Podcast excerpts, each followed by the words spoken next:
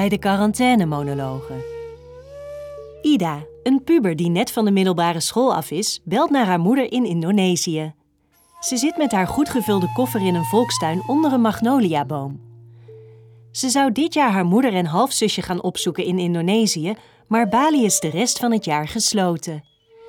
Tegen beter weten in houdt ze hoop op een vereniging met haar moeder. Hey Ibu, ik hoop dat je niet wakker wordt. Niet schrikken, er is niks aan de hand. Ik weet dat het nacht is bij jullie, maar ik. Ik wilde je gewoon even bellen. Je stem horen. Misschien telt het niet helemaal als dat de stem van je voicemail is, hè? Het is stil hier. Hoor je? Is het ook zo stil bij jullie? Het is nu 12 over 4. Ik zit in de tuin bij Jacques achter waar we met de schooltuintjes kwamen vroeger. Weet je nog? Er komt hier al weken niemand meer. Jacques is niet thuis, geloof ik. De gordijnen zijn dicht. Gisteren waren ze ook al gesloten. Heb jij nog iets van haar gehoord? Alleen de kat van nummer 7 loopt af en toe langs. Knort tot ik hem aai. Koud wat op het gras en gaat dan weer naar binnen. Het lijkt soms alsof iedereen, behalve de mensen die direct aan de tuin wonen, zijn vergeten dat deze plek bestaat. En misschien weet jij het ook niet meer. Het is lang geleden. Heb je Claudia wel eens verteld over dat ik hier een tuintje had? Ze zou hier nu ook in groep 4 zitten, toch? Het zou leuk zijn als jullie over een paar jaar hier zijn. Dan kan ik haar laten zien waar we vroeger alle kruiden hadden staan. En er staat nu zo'n boom met van die grote bloemen. Die roze die jij zo mooi vindt. Ze zijn al uitgebloeid, maar ik moet toch altijd aan jou denken als ik hier zit. De blaadjes liggen rond de stam.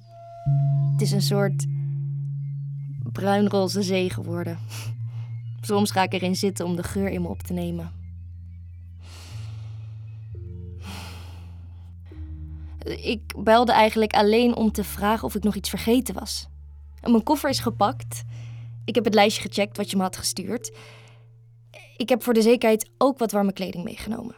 Je zei wel dat het eigenlijk alleen maar warm is daar. Warmer nog dan ik me zou kunnen voorstellen. Maar als we een avondje uit kunnen en het toch ineens koud wordt, dan is dat handig, toch? Dan hoef ik de jouwe niet te lenen. Ik hoop dat hij niet te zwaar is. Ik heb ook de boeken mee waar je om vroeg. En die ene plaat van papa.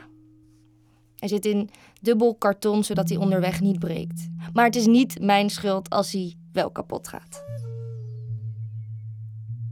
Oh, sorry, sorry, ik werd even afgeleid. Er kwam een vrouw naar buiten met een potje en een krant en een wesp daartussen. Ze deed het een beetje onhandig. Volgens mij is die wesp weer naar binnen gevlogen.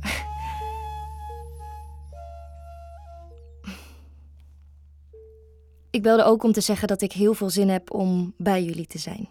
Ik dacht net ineens, ik heb dat helemaal niet gezegd. Dat ik er ook zin in heb. In alle stress van mijn spullen bij elkaar rapen. En papa die onrustig wordt als ik er te lang over doe. En de trein niet haal en de tickets niet print. En hij niet mee kan om me af te zetten. Hij is elke keer bang dat de regels worden aangescherpt en hij helemaal niet meer mee mag naar Schiphol. Ik weet dat ik vaak heb gezegd dat het vooral fijn is om hier weg te zijn. En gewoon een jaar bij jou en Claudia. Denk je, denk je dat ze nog weet wie ik ben? Ik heb de foto's afgedrukt van de diploma-uitreiking. Dan kan je zien hoe we eruit zagen. Het is toch jammer dat je er niet kon zijn, mam. Ik bedoel het niet lullig. Verre van. Ik mis je gewoon. Als het hier zo stil is, gonst er altijd iets van jouw stem in de stilte. Het zachte rollen van je R. Alsof je er toch een beetje bent. Alsof je met de wind mee over de oranje dakpannen als een beekje door het landschap stroomt. En dan denk ik aan hoe de zon daar achter de berg wegzakt. En hoe ik daar aankom en hoe je me ophaalt van de luchthaven. En we plannen eerst een weekend samen naar Bandung. Zodat ik je alles kan vragen wat ik niet van je weet. En jij mij kan vragen wat je gemist hebt. Jij zult zeggen, nu kunnen we eindelijk weer gedrieën op pad. Want je bent me niet vergeten. Je hebt 37 maanden gewacht tot ik weer daar kon zijn. We komen steeds dichterbij het nieuwe huis. Overal rondrennende honden. En ik weet niet wat ik eerst moet vragen. Want er is nog zoveel dat ik niet van je weet. Dus tot die tijd lopen we langzaam, stapje voor stapje de wegen af. Ik ben vergeten welke film we keken met kerst. En ik heb nooit geweten of jij een favoriet sprookje had. En als we thuis aankomen, leert Claudia me een wijsje dat zij leerde van haar juf. Buiten klinkt het dralende geluid van de buurtkinderen die zich vervelen.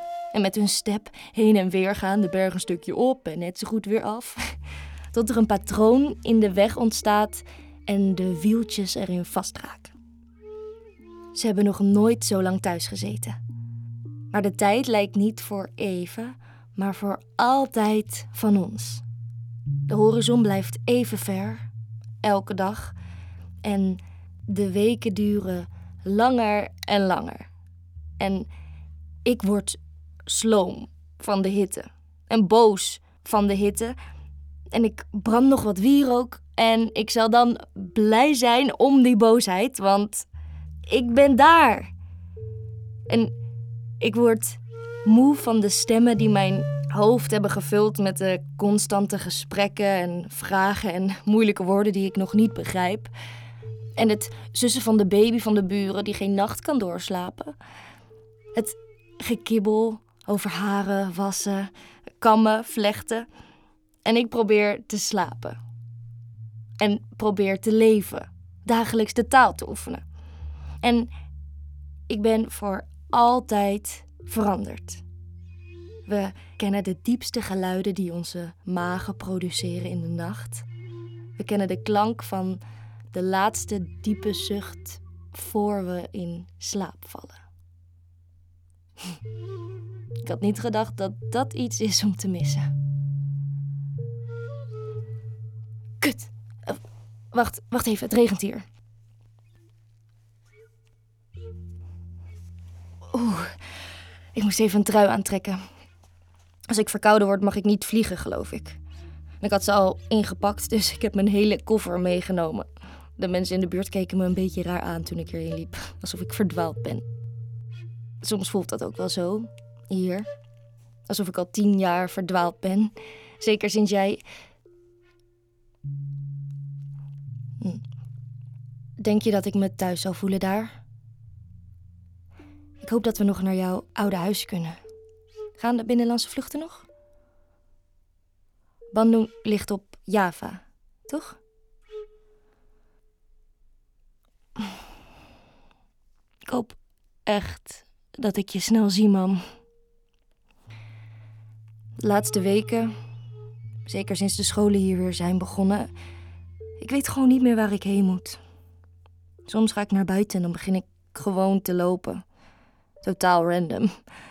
En dan beland ik weer in een park en iedereen daar is onderweg naar een plek waar ze wortel hebben geschoten. Of ze zijn bewust in dat park gekomen om daar te gaan zitten. Maar verder zijn er alleen maar fietsers en hardlopers en zakenmannen die een blokje omgaan voor de lunch. En mijn vriendinnen snappen ook niet dat ik nog niet wil studeren. En als ik ze probeer uit te leggen dat ik iets mis hier, kijken ze me aan met zo'n blik van: Jij bent echt raar. En dat weet ik. Zo voel ik me ook. Maar dat is precies het punt. Ik ben hier raar. Ik wijk af. En daar waarschijnlijk ook. Maar er zijn geen woorden voor te vinden hier. Als ik zeg heimwee, wordt dat niet goed gerekend, want papa is hier.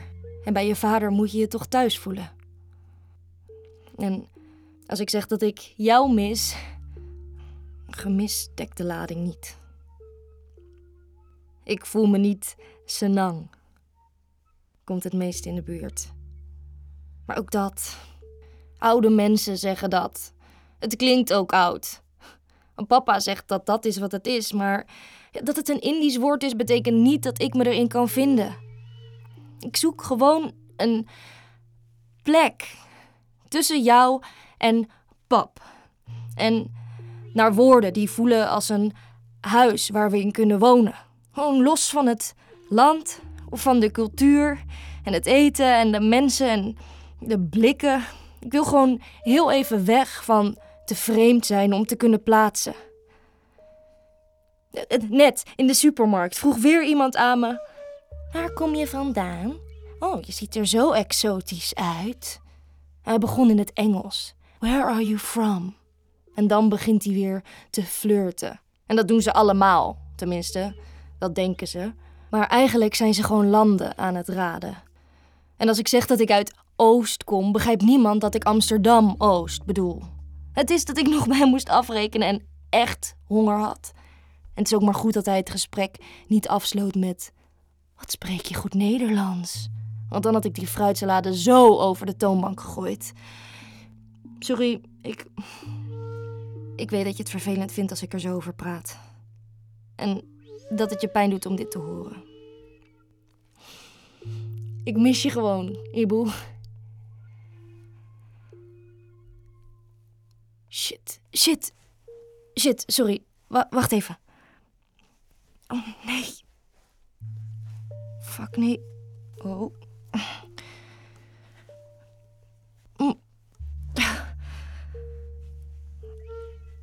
Oké, ik had mijn koffer open laten liggen en nu is alles nat. Eigen schuld, zou jij zeggen. Kut. Oké, kut. Ik, ik moet het even gaan fixen. Hou jij de vluchten in de gaten? Ik hoop echt dat ze weer gaan volgende week. En doe je Claudia veel liefs? Bel me maar als je wakker bent. Ik slaap toch niet. Oké. Doei, Ibu. Deze podcast werd gemaakt door Stichting ILS en IVK Producties. Met de stem van Tara Hetaria. Regie en idee Ilse van Kollenburg. Tekst Melissa Knollenburg. Muziek en soundscape Floor Minnaert. Productie Tamara Marcus en opgenomen en gemasterd in Studio Floor.